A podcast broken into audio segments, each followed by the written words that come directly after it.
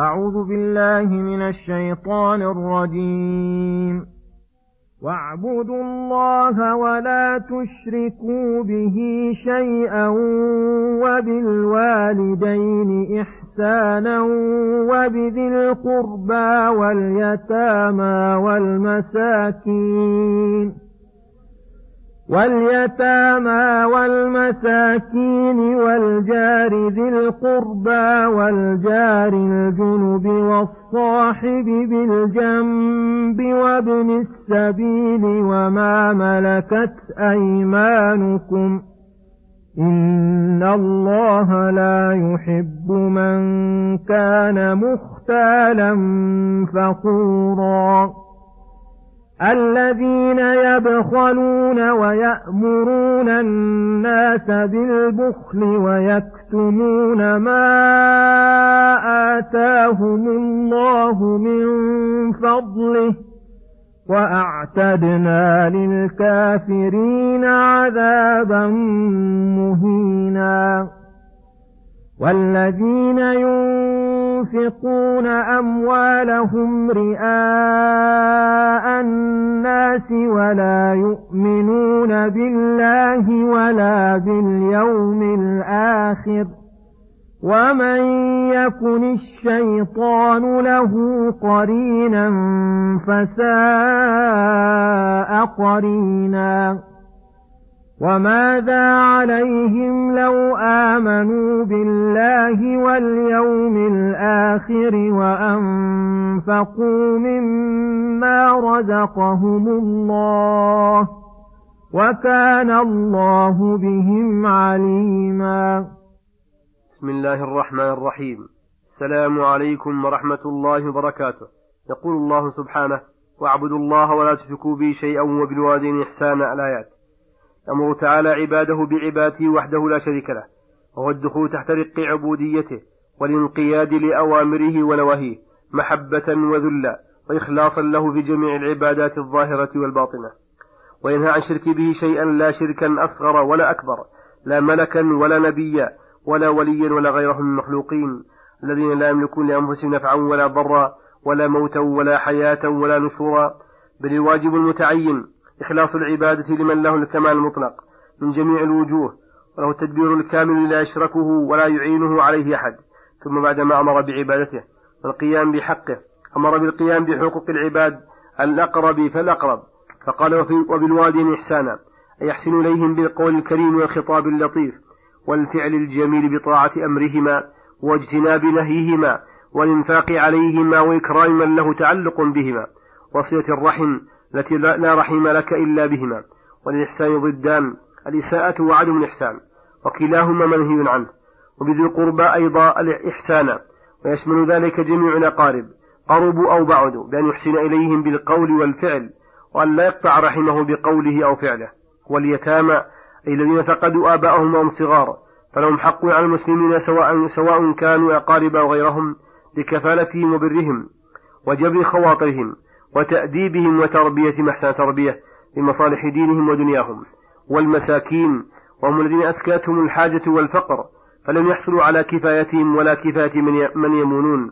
فأمر الله تعالى بإحسان إليهم بسد خلتهم ودفع فاقتهم والحض على ذلك والقيام بما يمكن منه. والجار للقربى أي الجار القريب الذي له حقان حق الجوار وحق القرابة فله على جاره حق وإحسان راجع إلى العرف. وكذلك الجار الجار الجنب أي الذي ليس له قرابة وكلما كان الجار أقرب بابا كان آكد حقا.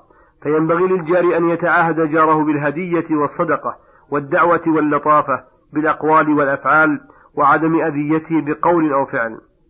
والصاحب بالجنب قيل الرفيق في السفر فقيل الزوجة وقيل الصاحب مطلقا ولعله أولى فإنه يشمل الصاحب في الحضر والسفر ويشمل الزوجة فعلى الصاحب لصاحبه حق زائد على مجرد إسلامه من مساعدته على أمور دينه ودنياه والنصح له والوفاء معه في اليسر والعسر والمنشط والمكره وأن يحب له ما يحب نفسه ويكره له ما يكره نفسه وكلما زادت الصحبة تأكد الحق وزاد.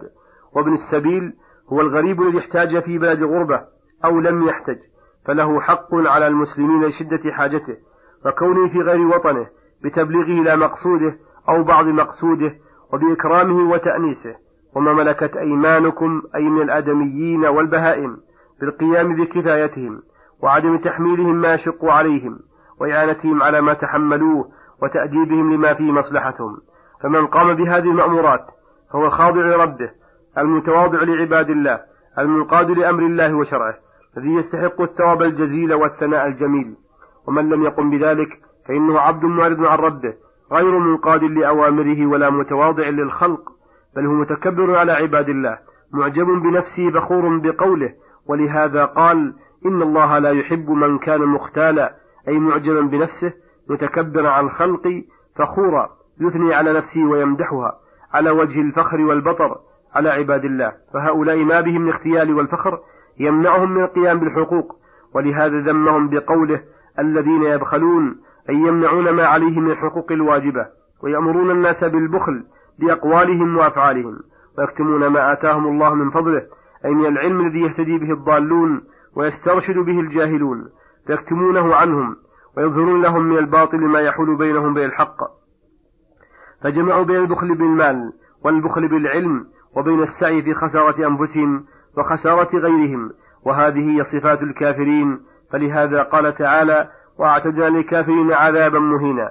أي كما تكبروا على عباد الله ومنعوا حقوقه وتسببوا في منع غيرهم من البخل وعدم اهتداء أهانهم بالعذاب الأليم والخزي الدائم. فعياذا بك اللهم من كل سوء. ثم أخبر عن النفقة الصادرة عن رياء وسمعة وعدم إيمان به فقال والذين ينفقون أموالهم رئاء الناس أي ليروهم ويمدحوهم ويعظموهم ولا يؤمنون بالله ولا باليوم الآخر. أي ليس إنفاق صادر عن إخلاص وإيمان بالله ورجاء ثوابه. أي فهذا من خطوات من خطوات الشيطان وأعماله التي يدعو حزبه إليها ليكونوا من أصحاب السعير. وصدر فيهم بسبب مقارنته لهم وأزهم إليها فلهذا قال ومن يكن الشيطان له قرينا فساء قرينا. أي بئس المقارن والصاحب الذي يريد إهلاك من قارنه ويسعى فيه شد السعي. فكما أن من بخل بما آتاه الله وكتب ما من الله ما من به الله عليه عاص آثم مخالف لربه فكذلك من أنفق وتعبد لغير الله فإنه آثم عاص لربه مستوجب للعقوبة لأن الله إنما أمر بطاعته وامتثال أمره على وجه الإخلاص كما قال تعالى وما أمروا إلا ليعبدوا الله مخلصين له الدين فهذا هو العمل المقبول الذي يستحق صاحبه المدح والثواب. فلهذا حث تعالى عليهم بقوله وماذا عليهم لو آمنوا بالله واليوم الآخر؟ الآية. ثم يقول سبحانه وماذا عليهم لو آمنوا بالله واليوم الآخر؟ الآية. أي أي شيء عليهم؟ وأي حرج ومشقة تلحقهم؟ لو حصل منهم الإيمان بالله الذي هو الإخلاص وانفقوا من أموالهم التي رزقهم الله وأنعم بها عليهم فجمعوا بين الإخلاص والإنفاق.